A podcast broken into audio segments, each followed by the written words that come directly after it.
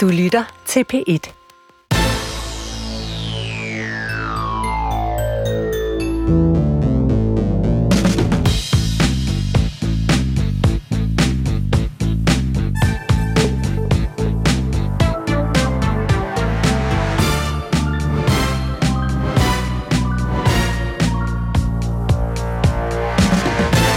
Jeg kan både stå tidligt op, og jeg kan også tale pænt med folk, og jeg kan også engang mellem hæve stemme, hvis det er nødvendigt. Og gå med et pænt slips.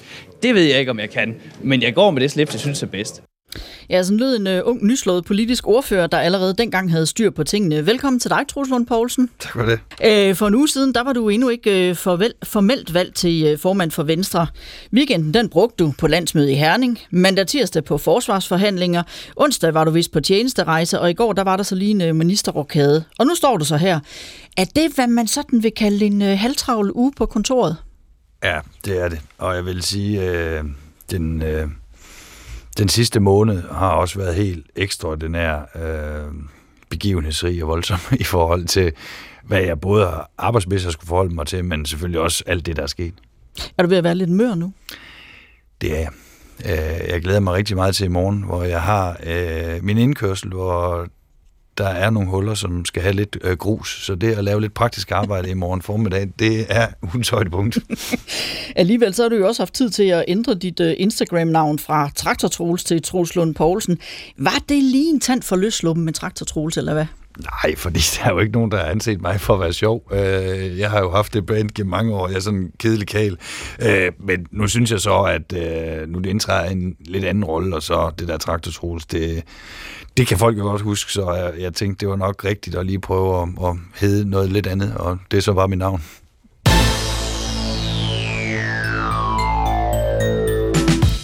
Holdet er sat, og opgaven er til at få øje på. Troels Lund Poulsen er ny kaptajn, men hvilken kurs udstikker han? Venstres nye formand har været politisk engageret i 31 år, siddet i Folketinget i 22 år og har 8 års ministererfaring. Han har været dømt ude i en grad, hvor han blev kaldt politisk terminalpatient, men nu er han nået helt til tops og er manden, der skal redde sit gamle parti. Hvilke overvejelser havde han, inden han sagde ja til at påtage sig opgaven? Hvordan ser redningsplanen ud? Og hvordan har han det med hele tiden at blive kaldt kedelig? Ja, det kommer vi altså lige ind på, Truslund, ikke? Truslund Poulsen har hævet en time ud af sin pakkede kalender for at være ugens gæst. Mit navn er Pia Røn. Velkommen til. Jeg skal høre, om landsmødet kan vælge Troels Lund Poulsen som formand for Venstre. En meget, meget stor tak for den tillid, som I har vist mig ved at vælge mig som øh, Venstres formand. Det er på alle måder meget overvældende. Det er kun seks dage siden, du blev valgt som formand øh, for Venstre ved partiets landsmøde i Herning. Du kaldte det øh, overvældende fra talerstolen. Kan du sætte lidt flere ord på, Truslund? Jamen, det kan jeg godt. Øh, når man står øh, foran 1500 mennesker i en øh, fyldt øh, sal i Herning, så går det lige pludselig op for en, at øh, nu har man ansvaret som øh, formand for Venstre, og det, det er ikke noget, man kan forberede sig på. Øh, jeg har i hvert fald ikke kunne forberede mig på det. Jeg ved jo godt, hvad jeg går ind til, men det er jo der, når jeg står og kigger ud over alle de mennesker, det ligesom går op for mig, at nu er det altså mig, der har øh, det sidste ansvar og det overordnede ansvar i Venstre. Er det sådan, at du så tænker, hey, hvor fedt, eller når du også lige har tænkt, der ligger noget arbejde forud? Jamen, det er jo først og fremmest øh, en, en, en følelse, jeg har, øh, da jeg står på scenen af, at øh, det her er jo øh, kæmpestort, øh, fordi jeg er jo et politisk engageret menneske, og det at få lov til nu øh, at udvikle Venstre, øh, selvom det er en svær situation, det er et kæmpestort privilegie, men det er selvfølgelig også med en kæmpestor ydmyghed, for jeg ved jo godt, hvor svært det er, og jeg ved også, at der er ikke nogen... Øh, lette løsninger. Jeg har ikke øh, et quick fix. Øh, så, øh, så ja, det, det, det er også derfor, jeg siger det overvældende, fordi der er jo mange tanker, der løber gennem hovedet, når man står deroppe. Og, og det er jo også, øh, og det, det er jo ikke fordi, at, at, at, at det gør noget, men det er også ensomt, fordi det, det er sådan, at alle kigger på mig, øh, og, og nu er det mig, der må træffe beslutninger. Jeg kan huske, at Morten Messersmith, han fortalte, at da han stod i samme situation, der var den, den tanke, der faktisk ramte ham, det var, shit. Ja, Øh, og det, det kan jeg sætte mig ind i, øh, fordi øh, man jo så ligesom glæder sig over, at man har opnået, som er noget, der er stort, og, og det er jo ikke, fordi jeg har stræbt efter at blive Venstres formand, det er ikke sådan, at jeg har haft en køreplan for det. Tværtimod, kan man sige. Men når man så står der, så kan det jo ikke nytte noget, man så tænker, hold da op, øh, hvad skal jeg nu? Så skal man jo gerne prøve at bevæge sig fremad. Men det er jo godt nok at lige være måske en, en lille smule nervøs, fordi det gør jo også, at man lige spænder øh, musklen lidt. Øh, havde du mange overvejelser inden, øh, eller tænkte du bare, det er sådan, det må være? Altså i forhold til at blive formand? Ja, altså... Øh, man kan jo sige, at jeg jo på en, på en trist baggrund øh, var lidt i, i, i, i, i træning øh, i løbet af foråret, fordi Stephanie og jeg jo øh, havde ansvaret for Venstre i den periode, jeg var sygemeldt. Og, og det var ikke fordi, at jeg tænkte, at øh, det så skulle føre til, at jeg permanent skulle være, være formand for Venstre. Men jeg har jo ligesom prøvet i en periode, så i hvert fald at have det politiske ansvar i et tæt samarbejde med Stephanie. Og, og det gjorde jo, at jeg så også var lidt mere rolig i maven, da jeg så øh, traf beslutningen, for jeg vidste jo faktisk, hvad jeg gik ind til. Og det er jo sjældent, man får lov til at prøve lige at smage på noget, øh, inden man så øh, faktisk får ansvaret. Og, og det følte jeg, jeg gjorde i foråret. Nu nævner du selv, øh, Stephanie Lose, du har jo også været meget åben omkring, at øh, det her det er noget, du ikke skal gøre alene. Du er flankeret af Stephanie Lose, Venstres næstformand, og du har flere gange understreget, at det her det er en opgave, vi kommer til at løfte sammen. Altså, så kan man jo ikke lade være med at få en lille smule flashback øh, til en kælder øh, en gang i øh, 2014 med Christian Jensen og Lars Løkke Rasmussen. At det så øh, det her såkaldte delte formandskab, som du og Stephanie Lose skal have? Vi har valgt at kalde det et makkerskab, for ikke at skulle tilbage til, til kælderen i Odense. Men, men det, der er øh, anderledes nu, det er jo, at, at Stephanie og jeg har jo prøvet på en trist baggrund øh, og arbejde enormt tæt sammen. Og, og sandheden er, at Stephanie og jeg har ikke kendt hinanden særlig godt. Øh, vi har selvfølgelig vidst, hvem hinanden var, men vi har jo ikke arbejdet sammen. Det kom vi til på grund af begivenhederne i foråret. Og det har jo også overbevist mig om, at den styrke, vi har øh, sammen, øh, den skal vi bruge. Og også fordi jeg synes, det er vigtigt at sige, at i politik er man et hold. Øh, og, og jeg ved jo også, at jeg har masser af begrænsninger og kommer også til at begå fejl, og derfor bliver man stærkere, når man øh, er et hold. Og et hold har du jo også sat et helt nyt øh, ministerhold. I kraft af, at Jacob Ellemann er, er stoppet, og jeg er blevet formand, så øh, skal vi jo lave om på, på Venstres ministerhold. Det er også brugt anledning til så at give det en frisk start, hvor Stefanie Lose nu kommer til at indtræde som økonomiminister, og på den måde øh, jo så øh, komme tilbage til den post, som Stefanie havde i foråret, hvor vi arbejdede sammen, og hvor jeg var forsvarsminister. En frisk start, siger du, men du fortsætter jo alligevel selv som øh, forsvarsminister. Hvorfor? Det, det gør jeg. Øh, primært fordi, at det, der giver mig enormt meget energi, øh, når jeg står op om morgenen, det er at få lov til at gøre en forskel. Jeg har øh, haft nogle, synes jeg selv, meget gode og, og ikke mindst også bevægende øjeblikke ved at være forsvarsminister. Jeg føler faktisk, at jeg gør en forskel, også for øh, ting, der betyder noget for Danmark. Og det kan selvfølgelig godt lyde lidt højt ravne at stå og sige, at det her er en fredag formiddag. Men for mig, og det der driver mig i mit politiske virke, det er også at kan lave nogle konkrete politiske resultater. Og, og det kunne jeg også som øh, økonomiminister, men jeg synes, øh, det ansvar, jeg har påtaget mig som forsvarsminister, øh, skulle gøres, øh, skulle gøres færdigt. Og vi står over for nogle meget store investeringer, som jeg også gerne vil være med til at, at rulle ud. Og jeg trives i rollen som forsvarsminister. Øh, jeg, jeg er glad. Jeg er glad hver eneste morgen, jeg står op, for jeg synes, at jeg gør en forskel. I sensommeren, der lød det jo ellers øh, sådan her fra din forgænger, Jakob Ellemann. Hvis jeg som formand for Venstre skal have mulighed for at udfolde den kurs, jeg har lagt for partiet på sommergruppemødet, passe mine opgaver som formand, og samtidig øh, kunne fortsætte med at gøre Venstre gældende i regeringssamarbejdet, så kan jeg ikke samtidig være forsvarsminister. For der skal være fokus på de sager. Og det går ikke med en minister, der samtidig er partiformand. Jeg skal prioritere arbejdet med Venstre og med regeringsledelsen. Ja, sådan sagde altså Jakob Ellemann. Han kunne ikke være øh, partiformand og øh, forsvarsminister på samme tid, men det kan du godt. Jamen, vi er jo ikke ens. Der er jo en stor forskel på, hvordan øh, jeg arbejder som politiker, og den måde, som Jakob arbejdede på. Og jeg har jo prøvet det her, øh, som jeg nu har sagt ja til, det har jeg jo prøvet i foråret. Øh, der var jeg jo også forsvarsminister og også øh, politisk øh, leder af Venstre. Og jeg mener godt, det kan lade sig gøre. Derudover, øh, så har jeg jo, kan man sige, det i rygsækken med mig, at jeg har lavet et meget stort forsvarsforlig, som jeg gjorde øh, før sommerferien. Og derfor har jeg også lidt et andet afsæt. Jeg var jo desværre sygemeldt, da vi lavede det meget, meget store forlig. Så mange af de ting, han var nødt til at sætte sig ind i, er jo noget, som jeg selv øh, sad og forhandlede, så derfor mener jeg godt, at det kan lade sig gøre. Så, Men... så, så du bliver ikke nervøs, når du hører, altså der har været mange politiske jagttager, deriblandt øh, Hans Engel, som jo også har en fortid som forsvarsminister, og øvrigt også øh, som partileder, være ude og sige, at det var en fejl, Jacob Ellemann. Han tog forsvarsministeriet samtidig med, at han skulle være partiformand, og at fordi, det, fordi forsvarsministeriet simpelthen også er et meget stort og tungt ministerium, og hvor der bliver truffet masser af vigtige beslutninger lige nu. Det, det er ikke sådan, det lige giver lidt præstationsangst ved dig?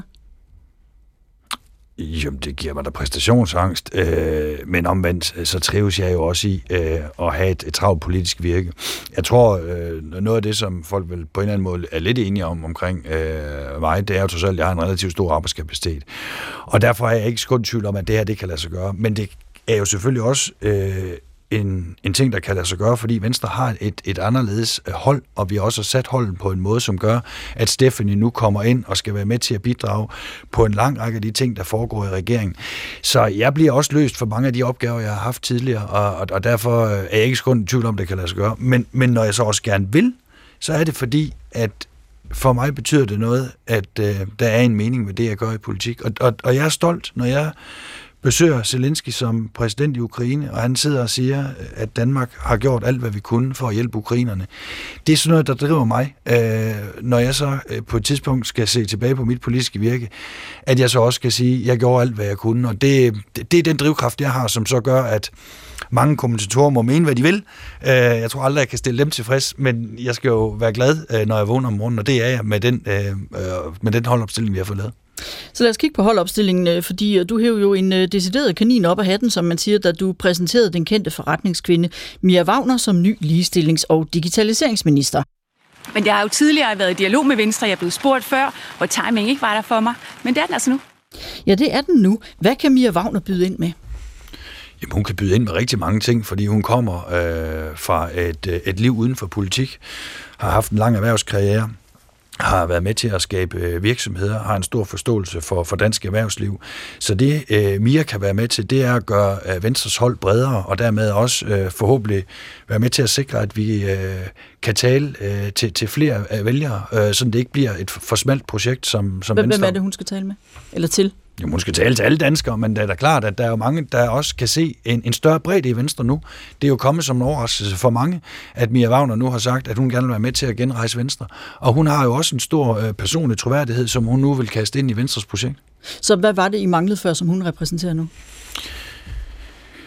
Det, som øh, var, var baggrunden for den rokade, som jeg lavede, øh, var jo øh, et, et, et udslag af, at Jacob Ellemann stoppede. Og, og når Jacob stoppede, så gav det mig mulighed for at ryste posen. Og der vil jeg gerne have øh, nogle andre prioriteter, end det, som, øh, som vi havde, da Jacob var ombord.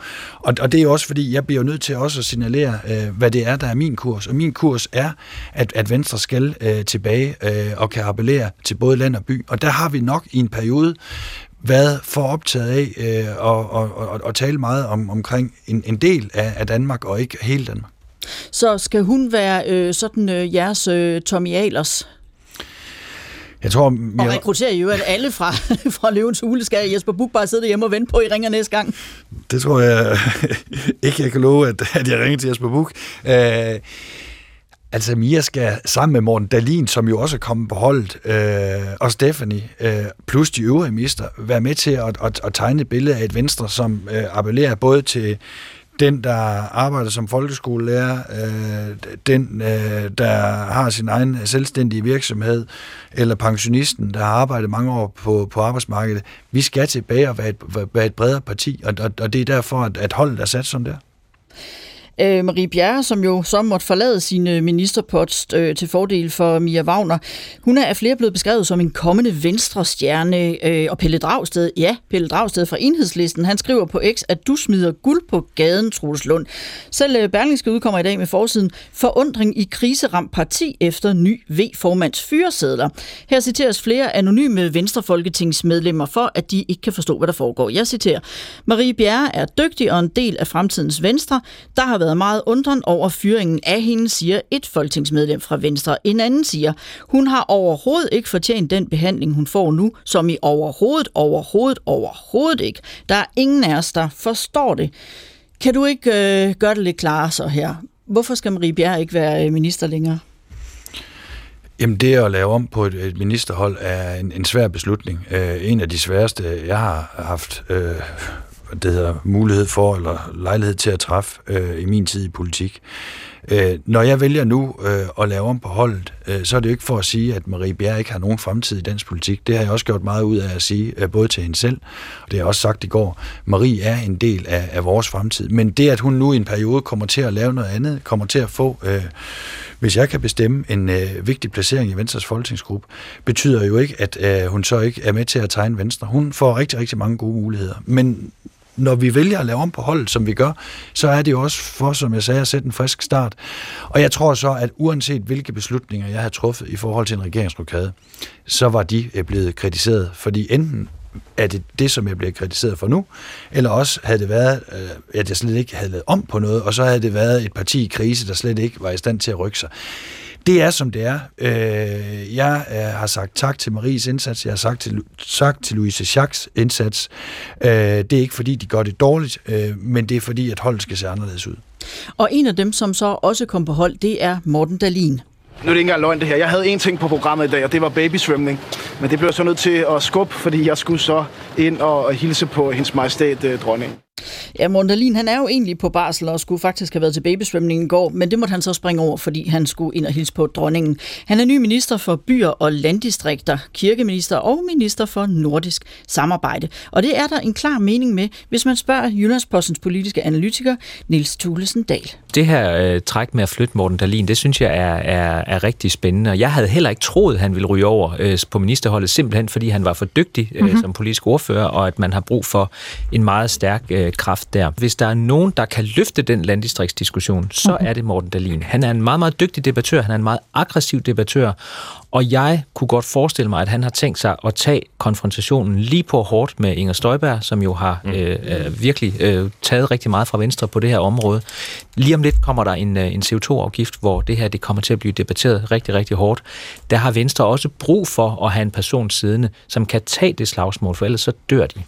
Sådan så altså Niels Thulesen Dahl øh, i P1-debat i går. Øh, rammer han lige hovedet på søvn der? Det, det synes jeg ikke, man kan sige. Øh, men øh, prøv at kommentatorer har mange forskellige øh, holdninger, og er også båret af, hvad de øh, tidligere har arbejdet med. Men, men Niels Thulesen du... har jo en fortid i Venstre, så han ved jo godt noget om Venstres DNA. Når Morten Dahlin er, er på holdet, så er det jo fordi, at jeg også har et meget stort ansvar for at være med til at, at sikre en talentudvikling i Venstre. Øh, vi har brug for, at nogle af de unge får nogle øh, kilometer i benene. Øh, nu er Morten Dalin på holdet, øh, men det er klart, Morten er jo en dygtig politiker, øh, og det er jo ikke fordi, at han skal ligge i åben krig øh, med Inger Støjberg. Det, det er et fejlkast at sige det, men vi har brug for at vise, at Venstre både interesserer sig for, hvordan vi kan udvikle vores byer, han har ansvaret for planloven. Der er rigtig meget, som vi kan gøre for, at København, Aarhus, Odense får nogle bedre planlægnings- og udviklingsmuligheder. Og så skal han selvfølgelig også være med til at løfte en landdistriktsdagsorden. Og, og det kan Morten. Og jeg synes også, at man har en forpligtelse for som, som politisk leder at sørge for, at øh, der er nogen i næste generation, der, der får nogle vigtige poster. Ja, der er jo mange, der spår ham fremtiden, øh, den helt store fremtid, øh, som måske engang en kommende formand det er måske lidt tidligt at sige, når du lige er blevet valgt. Men... det ved jeg ikke, om det er. Det, det, der er jo mange, der hele tiden spekulerer meget. Øhm, men den her flanke, der er i forhold til Inger Støjbergs vælgere, øh, hvor vigtigt er det for dig at få den lukket hurtigt? Fordi I har jo mistet mange vælgere til hende. Jeg går ikke op i, at der er en bestemt flanke, der skal lukkes. Øh, jeg går op i, at Venstre skal stå øh, i vores øh, egen position og vores egen politik. Og der tror jeg, at der er brug for, at Venstre kommer til øh, at blive bedre til at forklare, hvad det er for prioriteter, øh, som er vigtige for os. At vi er et borgerligt parti, at vi er gået i regering sammen med to andre partier, der så ikke er borgerlige, men hvor vi har et arbejdsfællesskab. Og der skal vi blive bedre til at forklare, hvorfor det er afgørende, at Venstre regering både i forhold til, at vi er et velfærdsparti, der vil udvikle vores velfærdssamfund, men jo også et parti, der gerne vil øh, give nogle bedre rammer, både til den enkelte, men også til, til den offentlige sektor. Og netop det her så med Dalin, som jo, selvom ifølge kommentatorer, han skal gå i flæskepring og Støjbær og hente jeres landvælger, så var han også ude med det samme i går og tale om de store byer, øh, København, øh, Aarhus, Odense. Øh, skal ham og, og Mia Wagner, er de også valgt for at signalere by? Jamen, de er valgt for at signalere en større øh, bredde. Øh, det, der jo er, er, er vores øh, udfordring, har været vores udfordring, det er jo, at der er mange, der har ment, at med rette eller med urette, men, men det er der jo mange, der gerne vil kaste Venstre som, at vi kunne have haft nogle bestemte interesser. Jeg vil gerne prøve at åbne Venstre op til at blive et bredere parti, hvor man også, hvis man bor på Østerbro, øh, kan føle, at Venstre øh, taler om de problemer, man har i byen, eller hvis man bor i Odense, eller hvis man bor i Aarhus. Og der skal vi også blive bedre til både at, at, at tale øh, til de mennesker, og de skal også føle, at Venstre er optaget af de udfordringer, de har, at det er også noget, man kan føle Venstre øh, kaster sig ind og engagerer sig i. Så hvad kunne det for eksempel være for nogle udfordringer, hvor du tænker, hey Østerbro, her kommer vi? Jamen altså, øh, støj er jo da et, et, et meget øh, vigtigt tema i, i vores store byer. Øh, luftforurening er et andet stort tema. Øh, det at give nogle bedre muligheder for, at, øh, at man kan færdes i vores byer på en, på en tryg og sikker måde, er et tredje område det er ikke sådan, jeg tror, at man kan revolutionere øh, øh Venstres politisk projekt ved så øh, at, at, tale om et eller to emner, men vi skal have en, en større øh, bredde i vores politiske fortælling, og, og det er jo ikke noget, man kan gøre fra den ene dag til den anden, men det kan man gøre gennem politiske handlinger, og det kan man også gøre i den måde, som man så appellerer til, til vælgerne på.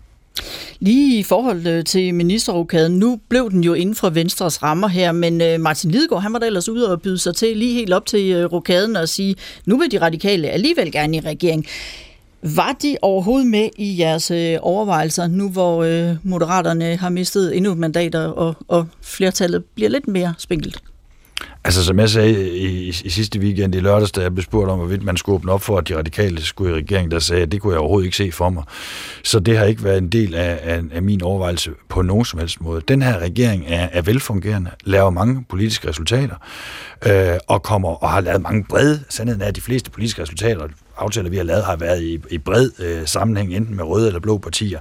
Så den her regering har ikke brug for, øh, at man skal udvide med det radikale venstre, som jo faktisk også på mange stræk er uenig med nogle af de ting, som regeringen gør. Men når du siger, det kan du ikke se for dig, hvorfor egentlig ikke? Ja, fordi vi havde jo det radikale venstre med helt frem til målstregen på Marienborg. Jeg vil faktisk sige, at de havde krydset målstregen. De, de, de var kommet i mål og skulle være i regering.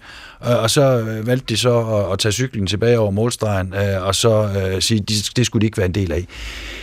Det må de jo selv forklare, hvorfor det endte på den måde. Det skal jeg ikke udlægge teksten af. Men når man har været så langt fremme, og så alligevel ikke påtager sig ansvaret, så kommer det jo også med en pris. Så er det jo en konsekvens, at man så alligevel ikke ønsker øh, at tage et politisk ansvar. Det tog, altså den beslutning traf de jo, da de så ikke vil være i regering.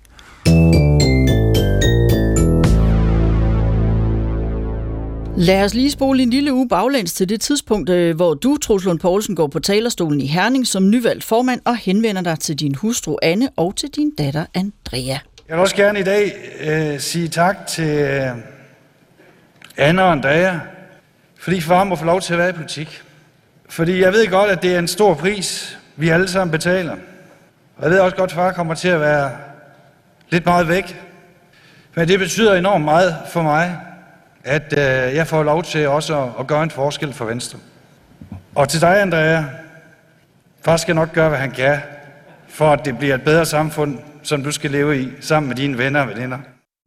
Ja, sådan lød talen altså. Øhm, var du en lille smule rørt, da du stod deroppe og kiggede ned på din familie? Ja, det var jeg, og jeg bliver også rørt igen. Øhm, jeg øh, er jo ikke kendt for at være en, der på den måde... Øh, har de store følelser i politik, men øh, det, det gør jeg, fordi det at, at, at blive far har gjort noget godt for mig, øh, fordi at jeg har fundet ud af, at jeg er ikke den, den vigtigste i verden. Øh, jeg kommer med en baggrund, som man jo heldigvis ikke kan mærke på mig, siger jeg med jysk humor. Jeg, jeg er jo enebarn, øh, og derfor har jeg nok også levet det har været ret privilegeret i forhold til, at, at jeg ikke har skulle tage hensyn til så mange. Øh, det at, at, at være forældre øh, og have øh, børn, øh, det er jo det mest livsgivende overhovedet, man, man, man kan forestille sig. Det er så umiddelbart, øh, og, og, og den energi, som, som jeg får til os at, at være væk, øh, kommer jo ikke mindst også ved, at, øh, at jeg så har lejlighed til at, at være sammen med min datter. Og sandheden er jo, jeg har jo været enormt meget sammen med min datter faktisk øh, under corona, og, også da jeg ikke var minister, fordi øh, der havde jeg det privilegie at være finansordfører for Venstre, som gjorde, at jeg ikke havde særlig mange ting i Folketingssalen. Jeg havde primært nogle politiske forhandlinger, og, og, og derfor øh, havde jeg øh, nogle rigtig, rigtig gode år, hvor jeg øh, kunne aflevere hende rigtig meget, hvor jeg kunne hente hende. Øh, og, og, og det er jo det, som jeg også prøver i talsæt der fra, fra scenen i sidste lørdag, at det ved jeg godt, at de der øh, dage, vi havde, øh, og, og, og de år, hvor jeg var meget sammen med hende, det, det bliver jo sat lidt på pause. Du øh, er jo, som du selv siger, ikke en mand, der plejer at gå med følelserne ude på skjorten øh, i dansk politik. Du har også været temmelig privat før. Hvilke overvejelser øh, havde du gjort dig, inden du, øh, inden du sådan hævde din familie med ind på scenen, selvom de dog sad i salen? Ja, altså, jeg er jo meget bevidst om, at, at, at dem skal man jo ikke øh, misbruge. Jeg skal jo heller ikke misbruge min, øh, min datter. Øh, men, men omvendt, så øh, synes jeg også, det er vigtigt at sige, at, øh, at når jeg taler for eksempel om familie og, og børnepolitik, øh, så gør jeg det også med et afsæt i, øh, hvordan jeg selv oplever det danske velfærdssamfund. Øh, og hun har jo spillet en, en, en rolle øh, i, i mit politiske liv. Øh, hvis man ser på nogle af de taler, jeg holdt som finansordfører, har jeg også øh, brugt hende som reference. Øh, ikke for, at øh, hun er den, der, der skal være gennemgående figur, men, men jeg synes heller ikke, det gør noget, at man, man viser lidt af sig selv. Øh, og, og specielt mig, som øh, jo folk måske tænker, øh, har han overhovedet øh, nogle børn, øh, så tror jeg, at, at det var fint nok, at jeg fik forklaret, at det har jeg. Så øh, er det sådan en øh, venstre spindoktor, der har sagt til dig, Troels, du er simpelthen nødt til at åbne lidt mere op? Nej, det er det ikke. Øh, fordi selvom jeg har folk, der, der rådgiver mig, så øh, er jeg nok også svær at rådgive, for jeg er relativt øh, stedig i forhold til, hvad jeg vil og hvad jeg ikke vil. Øh, og den tale, som jeg holdt i sidste weekend, er jo faktisk en tale, som er blevet til over ret lang tid, men med en klar disposition, som øh, blev lavet for, for tre uger siden, som handlede om, at jeg gerne vil sige noget omkring, hvad det er for en verden, vi lever i. Hvad er det for et, et Danmark, jeg ser for mig? Øh, og der ønskede jeg selv, at det skulle være set fra øh, nogle børneøjne, og det var så min datter og hendes venner og veninder. Men, øh, men nej, det er, ikke, det er ikke sådan, at, øh, at det er en del af en, af en færdig masterplan. Men kommer vi til at se en mere personlig Truslund Poulsen i fremtiden? Ja, det, det gør man. Øh, det, det, det vil I, I gøre. Øh, det, det er ikke sådan, at, at jeg ikke øh, vil fortælle om, hvad, hvad jeg er optaget af, og hvad jeg er drevet af. Og jeg tror også, at man må sige, at, at, at for at man kan se det fulde menneske, så øh, skal man jo også øh, have lejlighed til at, at blive klogere på, hvad, hvad jeg går op i som, som en ganske almindelig dansker. Og når Vild med Dans ringer, så siger du? Så siger jeg nej, fordi jeg er ikke særlig god til at danse, og det er heller ikke fordi, at jeg, jeg tror, jeg har en øh, stor fremtid i i nogle af de programmer, men øh, altså, hvis man vil invitere mig ind for at høre om, hvad jeg er optaget af på nogle, kan man sige, knap så politiske områder, så vil jeg da også til det. Og hvad er det så for en formand, ud over mere personligt, som Venstre har fået? Vi ringede til en mand, som har fulgt dig, siden du fik din gang på Christiansborg, nemlig Michael Christiansen, politisk kommentator og tidligere rådgiver i Venstre og for Anders Fogh Rasmussen. Først og fremmest så er han jo øh, super godt inde i tingene. Han er jo det, man kan jo kalde en ægte politiker. Og det vil sige, at han, øh, han kender sit eget parti. Han ved, hvad, hvad, hvad Venstre kan og hvad Venstre ikke kan. Øh, det vil sige, at han også er god at forhandle med, fordi den, der sidder over for, for ham, øh, ved, at øh, når Troel siger, at øh, det er vi med på, så ved man også, at det kan han bære igennem. Og, øh, og det, han skal skal til at bevise nu, det er så, at han også kan det andet, nemlig at han kan begejstre, øh, og han kan skabe et politisk projekt. Og det, øh, det ved man jo egentlig først, om folk kan, når de øh, er blevet etter, som han nu er blevet. Ja, det sagde altså Michael Christiansen. Øh, er det noget, du kan genkende, det han siger her om dig? Ja, det synes jeg er meget rammende. Øh, det, det, det, det er det. Øh, og det, det er klart, at det, der handler om at lave politiske resultater og politiske forhandlinger øh, og Venstres DNA, øh, det har jeg jo brugt rigtig mange år på at, at øve mig i øh, at kunne. Øh, og det med at begejstre og, og skabe en politisk fortælling, det er jo lige præcis det, øh, som, øh, som jeg nu skal gøre. Men samtidig så er der jo så også det her med, at øh, som du også selv har adresseret, at du bliver kaldt kedelig. Og nu sorterer jeg lige en af dine egne, nemlig Thomas Christensen, formand for Venstre i, i Kasbrande, som til Jyllandsposten siger, Troels er da pisse kedelig, men han er også pisse dygtig. Det er bare vilkårene. Det kan være, det er det, der er brug for i partiet. Er du, undskyld mit franske, pisse kedelig? Det ved jeg ikke, om jeg er. Øh, men, øh, men jeg har ikke øh, sådan et behov for at, at være sådan en tusind kunstner, der går rundt og råber og skriger og, og, og laver alle mulige øh, sjove ting for at påkalde mig opmærksomhed. Jeg bliver jo nødt til øh, at være tro med mig selv. Øh, der er mange, der har ment, havde jeg de forkerte briller, blev jeg klippet for, for sjældent, alle de der ting, øh, var det det forkerte slips. Altså, jeg prøver sådan set øh, at, at holde meget af den, vil jeg sige, øh, spændende og også nogle gange lidt triste støj væk fra ørerne, fordi hvis man er drevet af, hvad der står i aviserne, hvad kommentatorer mener, så, så bliver du en dårlig udgave af dig selv. Jeg synes, der er for mange eksempler på øh, partiledere i dansk politik over de sidste 20 år, der har lavet sig drive rundt af, hvad, hvad der var nogen, der forventede af dem. Øh, Hvem for eksempel? Det kan jeg ikke huske. Øh, Hov, det var da uheldigt. Præcis. Og det gør bare, at, at, at jeg tror ikke, at de så har haft den ro, der skal til. Men folk, der kender dig, jo siger, at du er ret sjov. Altså, bliver du aldrig irriteret over hele tiden at få det der smidt i hovedet med, åh, han er også så kedelig, og ham og Lose, det er revisorægteparet fra provinsen. Er det aldrig irriterende? Det ved jeg ikke. Vi har jo gjort... Vi, altså, vores svar på det har jo været, at, at vi jo selv, når vi var rundt her i foråret til, til Venstres medlemmer, vi havde sådan en større turné, altså der døbte jeg jo os selv øh, sådan en sølvbrudet par, der tog rundt, øh, og det var salen jo øh, flade grin over, for de kunne jo godt mærke vores jyske humor. Og det er klart, min humor med det afsæt, jeg har, øh, trives måske også nogle gange lidt bedre i det jyske, end, øh, end her i, i København. Men altså, det er som det er. Øh, der, at der er nogen, der synes, jeg er kedelig, jamen, jamen, jamen sådan er det. Jeg, jeg, jeg, jeg lader mig ikke, øh, det er, det er ikke noget, der fylder øh, hos mig. Jeg vil nok sige, at, at det gjorde det nok for, for 10 år siden, fordi øh, at det der jo også øh, på en eller anden måde gør, at, at man lærer af at være i politik, og efterhånden så mange år, jeg har været med, gør jo, at, øh, at når man også har haft øh, udfordringer i ens politiske liv, så lærer man måske også, at der skal være en pytknap, som man engang imellem øh, trykker på. Øh, det er klart, hvis, hvis jeg skulle læse alt det, der står om mig i, i dag, i forhold til for 10 år siden, så for 10 år siden havde jeg været meget mere nærtagende, og havde også øh, nok øh, tænkt, at, at, at, at, at, at det var helt urimeligt, at der var nogle journalister og kommentatorer, der skrev det. Men jeg ved jo, at en, en del af det politiske liv, det er jo, at de kan jo ikke noget at gå og hænge med mulen, for jeg møder jo de mennesker igen i morgen, og dem, dem kan jeg jo ikke gøre noget ved. Altså jeg kan prøve at snakke med dem og fortælle om, hvordan jeg har det, og hvad Venstre vil. Men det kan jo ikke lidt nytte noget at lægge nogen for had og sige, at dem vil man ikke tale med, fordi øh, det er en del af vilkårene i politik. Jeg synes lige, du skal høre, hvordan øh, det lød, da du talte med nogle journalister i Danmarks Radio, øh, da du blev valgt ind for Venstre for første gang. Det var tilbage i 2001. Og der fik du det her spørgsmål i DR-programmet Indefra. Hvordan pokker for, finder du albuer til at få crawlet dig igennem hele den der stak af venstrefolk, som du skal igennem for at komme op til magten og blive til noget stort i partiet? Jamen altså, jeg tror bare, at det, det gælder om nu, det er bare at lave sit hjemmearbejde. Jeg tror ikke, det gælder om at have hverken spids albu eller meget andet. Man skal lave de ting, man bliver sat til, og så tror jeg også nok, man bliver belønnet for det. Det er sådan set meget snusfornuftigt, men sådan tror jeg også, det er. Ja, jeg tror endda, det var øh, Morten Lykkegaard, der faktisk... Det lød sådan til, at det var Morten Lykkegaard. der, der. Ja.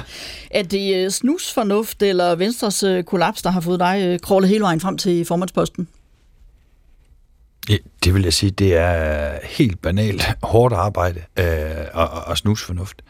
Øh, fordi øh, selvom Venstre er i en svær situation, hvis det var sådan, at øh, Venstres øh, medlemmer ikke troede, jeg kunne løfte øh, udfordringen, så har man jo stillet en anden op. Og hvad er det så for nogle udfordringer, du står over for? Ja, du ved det jo nok godt selv, men alligevel så har vi spurgt Michael Christiansen, øh, politisk kommentator, om hvilken opgave han ser, du står med som ny formand for Venstre. Kig på meningsmålingerne. Det, det er også et pres, øh, selvom det jo ikke er hans ansvar. Det seneste valgresultat, som er, det var en fuldtonet katastrofe, så er det nu ham, der overtager ansvaret herfra, og det vil sige, at han han bliver også nødt til at have øjnene stift rettet mod de der meningsmålinger. Han er nødt til at få partiet op, øh, og han er også nødt til på en eller anden måde at få, få skabt en fortælling om, at Venstre betyder noget inde i den der regering. Fordi det er jo, det er jo lidt det der billede, der er, at det er Mette, der bestemmer det hele, og hvis hun ikke bestemmer, så bestemmer Lars, og Jakob bestemmer ingenting. Og det skal han jo have gjort op med. Det er den ene. Og den anden er så, at han skal have noget politik på hylderne øh, til, til næste valg. Venstre er et, et parti, som øh, efterhånden er relativt profilløst. Det er jo mange års øh, forsøgelse ved i virkeligheden at udvikle et nyt politisk projekt. Det er en totalt bunden opgave. Ja, en bunden opgave har du der. Profil, profilløst og manglende udvikling af et nyt politisk, politisk projekt, vil jeg have sagt. Øh, hvad vil du gøre ved det? Jamen først og fremmest øh, har jeg sagt, at, at det, jeg synes, Venstre har brug for nu, det er noget ro og stabilitet. Øh, hvis man ser på de sidste fire år, så har det været øh, en, en, en meget omtublet tilværelse, Venstre har haft som parti. Vi har sagt farvel til en tidligere formand, øh, en, en tidligere næstformand, øh, og så har vi også sagt farvel til nogle profiler i Venstres øh, tidligere folketingsgruppe. Så først og fremmest, så skal vi have noget, noget ro på Venstres organisation. Og derudover, så skal jeg selvfølgelig øh, nu øh, både øh, sikre, at vi får indflydelse i regeringen. Det synes jeg sådan set, vi har, også på det regeringsgrundlag, der er lavet i forhold til de prioriteter, vi har haft, både på velfærd, psykiatri, uddannelsespolitik, skat, mange ting. Men derudover øh, skal jeg selvfølgelig også sørge for, at, at, at Venstre er et, er et hold, som, som folk uh, tror på. Det var jo også derfor, at rokaden blev lavet, som den gjorde i går. Det var jo ikke øh, tilfældigt. Det er jo det første skridt på vejen til, at øh, når Michael Christiansen siger, at Venstre er et profilløst parti, det synes jeg ikke er rigtigt. Øh, jeg synes, vi har nogle gode profiler, og det øh, fik vi også understreget i går. Men nu skal vi selvfølgelig også dokumentere, at det, jeg siger, at det er rigtigt. Og det er jo i sidste ende vælgerne, der bestemmer det. Og så siger han det her med øh, udvikling af politik. Hvilke mærkesager skal Venstre have fremadrettet? Det tænker jeg ikke, at jeg lige kommer til at fremlægge her hos dig her til formiddag. Nå, det kunne du da godt have Ja, det tænker jeg også. Det er også lidt dårligt, at jeg ja. lige gør det faktisk. Men det må du bære over med. Så må du invitere på en anden gang det, som vi kommer til at, at, at udvikle politik øh, på, er jo en videreudvikling af, af de ting, vi har øh, i vores DNA. Det er frihed under ansvar, det er frihed til forskellighed, og det er ikke mindst også, at øh, vi gerne vil vise, at øh, for os er et, et velfærdssamfund fuldstændig afhængig af, at man også øh, sikrer, at folk øh, får nogle flere penge til sig selv. Så hele den der diskussion, der har været de sidste 20 år omkring skat kontra velfærd, den skal vi have taget et opgør med, øh, fordi man godt kan give folk øh, flere af deres egne penge tilbage, og man kan også godt investere i et velfærdssamfund. Det er den fortælling, som jeg skal begynde nu at sætte mere kød og blod på. I bløder jo øh, vælger til både Danmarksdemokraterne, Liberale Alliance og for den sags skyld også øh, Moderaterne. Og hvis man kigger ned over, øh, hvem der er jeres vælgere, så ifølge Kasper Møller Hansen, øh, valgforsker, så er den største gruppe af jeres vælgere, det er pensionister. Øh, så har jeg altså talt meget om øh, landmandsvælgerne. Det er kun 3 procent i virkeligheden. Pensionisterne ligger mellem omkring 30-35 procent. Øhm, hvem skal Venstre være et parti for? Venstre er et parti for alle danskere. Og vi skal ikke øh, tro, at der kun er nogle bestemte målgrupper, vi skal tale til. Øh, vi skal signalere øh, i højere grad, at vi er øh, til øh, for dem, der gerne vil have Danmark til at bevæge sig i en offensiv retning, hvor vi udvikler vores samfund, og ikke skaber konflikter, og ikke øh, laver polarisering. Vi, vi, vi skal være det, det friske pust, der tror på fremtiden, og også viser, hvad vej vi skal gå. Men man plejer jo at sige det her med, at hvis man vil være noget for alle, så ender man med at blive noget for ingen. Ja, men det argument køber jeg ikke, fordi hvis man øh, laver et parti øh, kun for nogle bestemte, så kommer man også til at sidde meget, meget isoleret, øh, hvis man vil tage et politisk ansvar. Når vi er gået i regering, så er vi jo af den årsag, vi mener, at Danmark skal forandres. Det nemmeste havde jo været for Venstre at sige, det må Mette Frederiksen og et rødt flertal gøre. Det mener jeg havde været skidt, det havde i bund og grund øh, været skidt for Danmark, men det havde jo ikke mindst også været dårligt, fordi man så øh, fik samfundet til at bevæge sig i den modsatte retning af, hvad vi gerne vil. Når vi nu vælger så at tage et ansvar, så ved vi jo godt, at vi ikke kan få tingene gennemført en til en. Og derfor er jeg sådan set også øh, ret tryg ved, at når vælgerne skal bedømme den her regering, selvom målingerne i øjeblikket selvfølgelig ser lidt broet ud, så tror jeg, at i en verden, der bliver mere og mere ustabil, øh, og hvor der er nogle meget store skred, også i opbakning til regeringer, at man øh, gerne vil have øh, en fast hånd øh, på rettet og også nogle stærke kompetencer. Og det her med øh, vælgernes øh, indtil videre ikke så stor forståelse for, hvorfor I er gået i regering, det var også noget, du adresseret på landsmødet. Lad os lige høre. Og jeg ved jo også godt, at der er nogen, som ikke synes, Venstre skal være regering. Det er gået op for mig. At det vil være lettere og bedre at stå udenfor.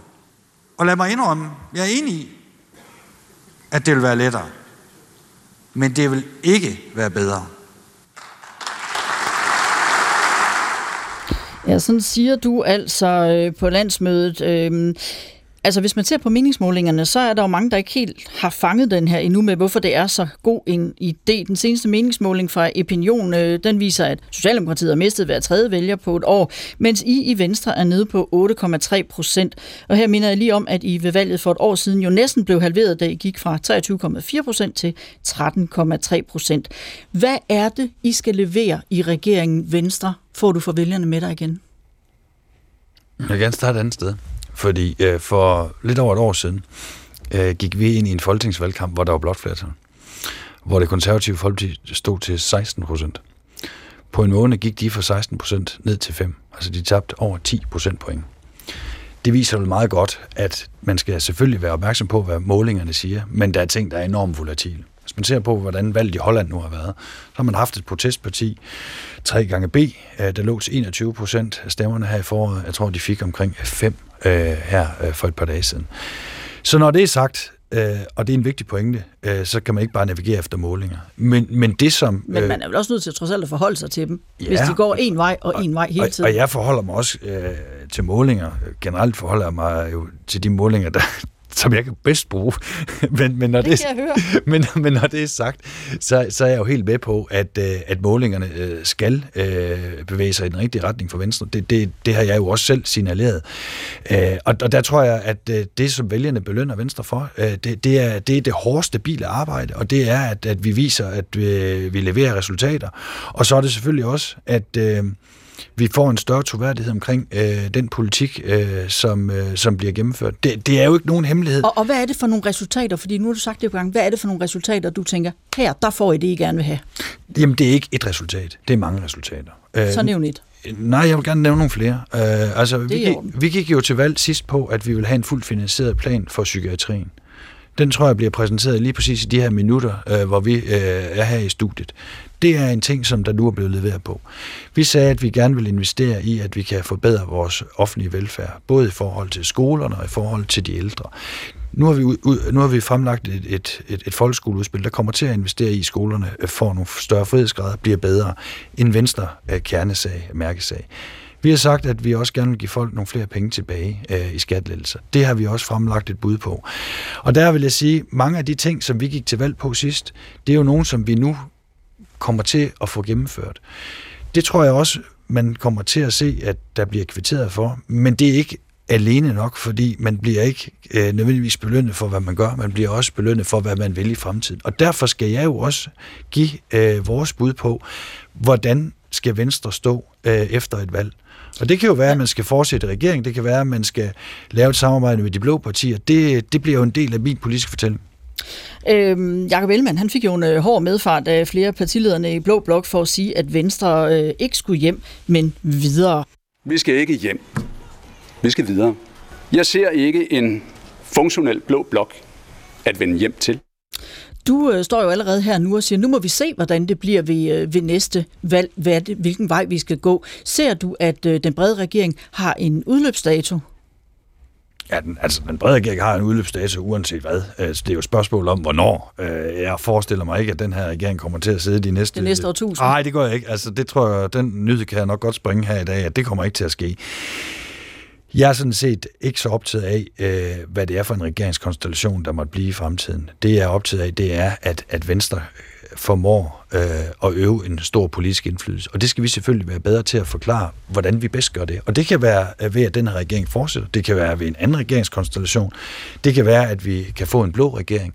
Og det, der jo er sket på baggrund af det interview, som Jacob lavede der, hvor han sagde, at, at vi ikke skulle hjem, men vi skulle videre, det er jo så, at der er jo også blevet rørt i gryden i forhold til de blå partier, fordi en del af de blå partier er jo et andet sted nu, end de var, da vi sad i regering med dem.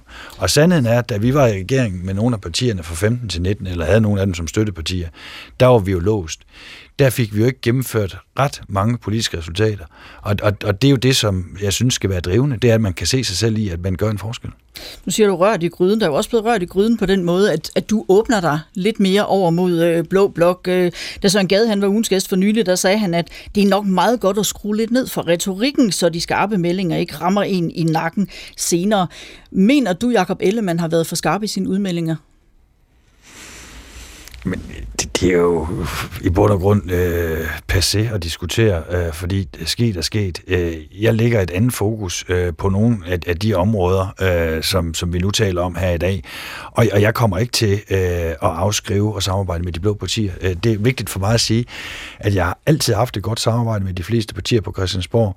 Og jeg noterer mig så også nu, og det er jo så også det, der er sådan lidt på mange måder surrealistisk, at øh, nogle af de partier, der har været hårdest kritikere af Venstre, at de nu glæder sig over, at jeg er blevet formand og glæder sig til samarbejde. Ja. Det, det skal man kvittere for. Lad os da lige høre, hvad Inger Støjberg hun sagde, da hun var ugens gæst i fredags. Han har i hvert fald ikke sagt, at han skal videre, og han ikke skal hjem. Uh, Troels Lund, han åbner vel mere for at, komme hjem. Men det betyder selvfølgelig, altså jeg ser det jo lidt sådan, at uh, Venstre de er flyttet over til nabokonen, Uh, og det ser jo ofte rigtig rart ud over ved, ved nabokonen, men jeg synes også lidt, jeg kan høre, at tallerkenerne begynder med at, at fyge i luften derovre. Så, så derfor så må enden på det her må jo blive, at Venstre skal flytte hjem. Men det er jo lige så klart, at Venstre kan jo ikke flytte hjem med, med de møbler, som de nu har købt sammen med nabokonen. Altså det er jo ligesom til det gamle møblement, møblement om man så må sige. Øh, fordi øh, altså, vi fører jo stadigvæk blå politik, så der er jo noget, noget socialdemokratisk august, der ligesom skal blive i, i det hus, som Venstre nu bor i. Sagde altså Inger Støjberg i sidste uge, da hun var ugens gæst. Øhm, har du planer om at forlade nabokonen på et tidspunkt? Og vil du så i givet fald måske alligevel snige et par af de nye møbler med over? Altså, det var meget klichéfyldt, og det er Inger god til der, hvor, hvor Venstre skal, skal være, er jo et sted, hvor øh, vi synes, at øh, boligen er godt indrettet. Og øh, der må man jo bare sige, at der skal alle bevæge sig. De blå partier skal jo, hvis vi skal samarbejde, som jeg gerne vil, så skal de jo også øh, være i stand til at have nogle andre positioner, end de har haft tidligere. Det, at vi nu for eksempel sænker skatten markant for nogle af de mennesker, der har en højere indkomst i Danmark, det var jo fu- fuldstændig umuligt, øh, da Dansk Folkeparti var øh, parlamentarisk grundlag for regeringen. Det, det ser det også ud til at være med Inger Støjberg.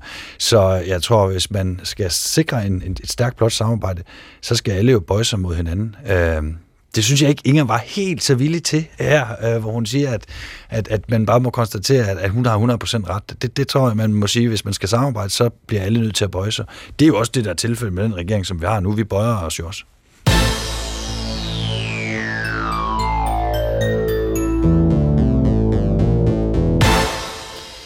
Ugens gæst er Troels Lund Poulsen, født i 1976 og nyvalgt formand for Venstre, som han har været medlem af siden 1992.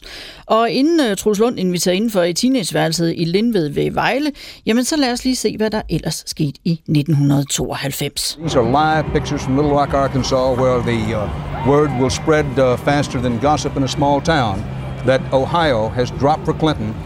Bill Clinton will be the new president of the United States. Al Gore will be the new vice president of the United States. Ja, i USA der vinder Bill Clinton en jordskredssejr over George Bush og bliver USA's 42. præsident.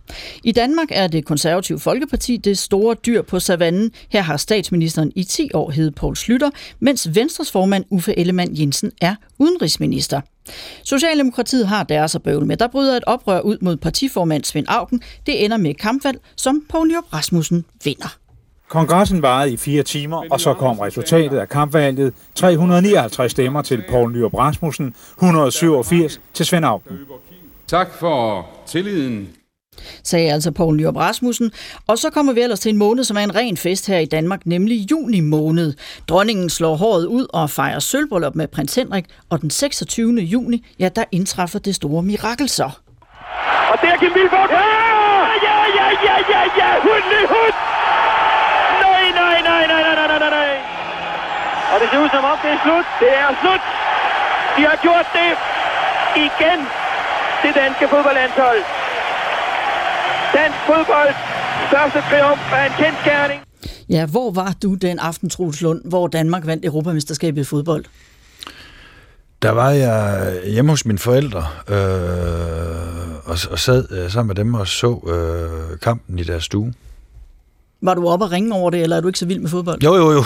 Jeg er enormt meget vild med fodbold. Jeg har spillet rigtig, rigtig meget fodbold i, i, i mine øh, yngre dage. Og, og, og sandheden var også, at øh, hvis jeg kunne have været bedre til at spille fodbold, så øh, var det også den karriere, øh, jeg skulle have valgt. Jeg har spillet sammen med nogle af dem, der senere kom til at spille på landsholdet. Øh, Thomas Graversen for eksempel, som øh, de fleste ved, hvem er, øh, spiller enormt meget indendørs øh, fodbold øh, mod øh, i et par år. Øh, i nogle haller rundt om i det østjyske. Så, øh, og Kasper Dalgas, der så senere også kom til at spille for Brøndby, der spillede for VB det engang.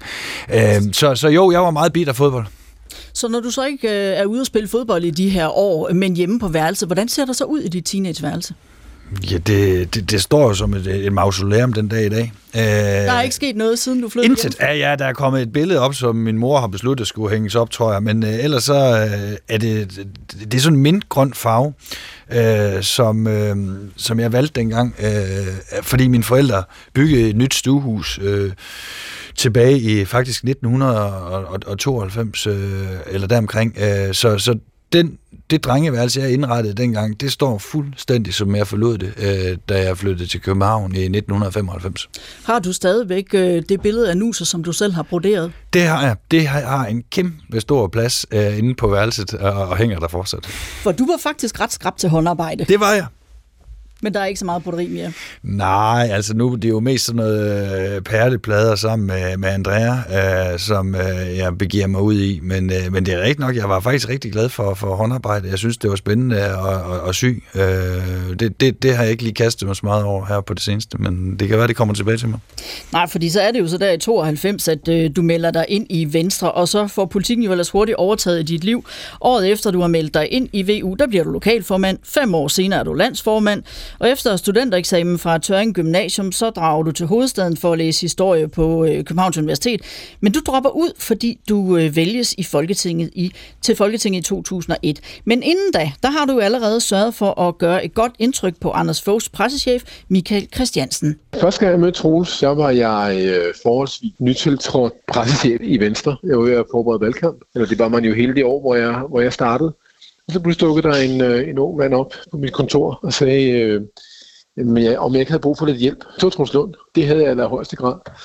Øh, for der var ikke særlig mange, øh, dengang var der ikke så mange, mange øh, rådgivere, så det var jo meget velkomment. Og øh, det var da også meget smart at komme og banke på og sige, at når man nu selv skulle vælges øh, til Folketinget og blive gode venner med øh, den kommende øh, statsministers pressechef, så det var da meget smart. Ja, det var det da. Den havde du regnet ud. Nej, det var heller ikke en del af en kæmpe masterplan, men, men jeg var jo... Øh, altså, jeg var jo super meget optaget af, af, af, af politik også dengang, øh, og jeg synes, Michael Christiansen var øh, jo et, et helt nyt øh, ansigt i Venstre. Øh, super, super dygtig. Og, og jeg tænkte, at jeg kunne også øh, nok lære noget af at få lejlighed til at arbejde lidt sammen med ham, og det, det havde jeg så muligheden for at gøre øh, i et lille års tid. Ja, for så gik det ellers øh, slag i slag. Du blev politisk ordfører, siden har du indtaget en stribe ministerier. Du har været miljøminister, skatteminister, undervisningsminister en kort periode, beskæftigelsesminister og erhvervs- og vækstminister. På det her tidspunkt, øh, som er for eksempel omkring i Anders Fogh Rasmussens regeringstid, der bliver du ofte omtalt som kronprinsen i partiet. Men så var det sagen øh, om læk af Helle Thorning og Stephen Kinnocks skatteforhold ramte, og du blev så hjemsendt i tre måneder, mens skattekommissionen undersøgte det her. Dengang, der kaldte aviserne dig for politisk terminalpatient, færdig i politik, dead man walking. Ja, Ekstrabladet skrev endda det charmerende, ligestanken hænger ved ham. Da du læste de her ting dengang, overvejede du så, om du lige så godt kunne pakke dig og finde en ny levevej uden for politik? Ja, det gjorde jeg. Øh, men det, der var drivkraften for, at jeg så kom tilbage, var to ting. Øh, først og fremmest, at jeg fik en kolossal opbakning lokalt i det område, hvor jeg var valgt, øh, hvor øh, de jo bakkede mig op som, som folketingsmedlem. Og det andet var så, og det var drivkraften, som gjorde, at jeg så øh, synes, at at jeg kunne komme tilbage, det var, at det skulle ikke være journalisterne, der slog mig ihjel. Øh, hvis, hvis jeg skulle stoppe i politik, så skulle det være vælgerne. Hvad? Og, og det, det var det, der havde, kan man sige, min indre glød. Hvad lærte du af den periode? Jeg tror, de, de, de politikere, der har været igennem nogle meget, meget store øh, sager, øh, som måske har været varet flere år, altså de øh, får et meget, meget øh, indgående kendskab til dem selv. Enten så kan de leve med det pres og stå det igennem, men så har skadet de sager. Der, der er ikke nogen, øh, der er igennem så store sager, uden at det har nogle meget store menneskelige omkostninger. Men i bund og grund er det vel den, det bedste MBA-kursus, man kan tage i at kende sig selv. Og det er ikke, fordi jeg vil anbefale nogen at gøre det, øh, men, men det er det, som, som sker. Det tror jeg også, hvis du spørger sådan en som Søren Gade, har jo også haft øh, svære øh, sager. Øh, Anders Fogh Rasmussen, øh, ja, dem, der har været med i mange år, har prøvet nogle af de her sager, og det, de, de er svære, de går ondt. Trosund Poulsen, vi har ikke så meget tid øh, tilbage, men du skal da lige høre, hvad du sagde, da du var ugens gæst i 2017. Og så er det klart, altså, jeg er jo trods alt stadigvæk føler mig ret ung. Øh, der kommer også et liv efter døden, altså der kommer et liv efter politik. Øh, jeg har snart været med øh, i små 20 år. Øh, jeg har før sagt, at jeg kommer ikke til at være her hele livet, øh, og det er så et, et løfte, som man kan, man kan måle mig på på et tidspunkt. Det er ikke, fordi jeg er på vej ud lige her i dag, men, men på et tidspunkt skal jeg også noget andet. Gælder det stadigvæk? Du stod og grinte lidt. Ja, jeg skal også videre på et tidspunkt. uh, i, I sommer lavede jeg et interview til Horsens Folkeblad, som jo er et kæmpe vigtigt medie for mig lokalt, uh, hvor jeg sagde, at jeg var i min karrieres efterår politisk. Uh, og så sker der alt det her, der, der, der falder ned uh, om ørerne på mig, uh, og nu er jeg så Venstres formand. Og øh, det er jeg så i en øh, periode, øh, som jeg ved ikke nødvendigvis, hvor lang tid er.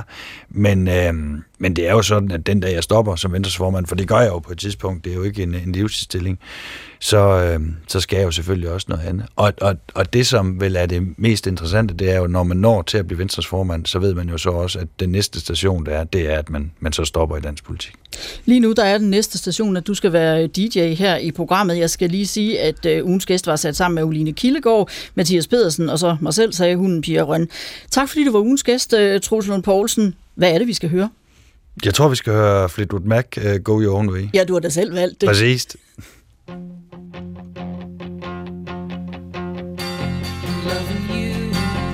isn't the right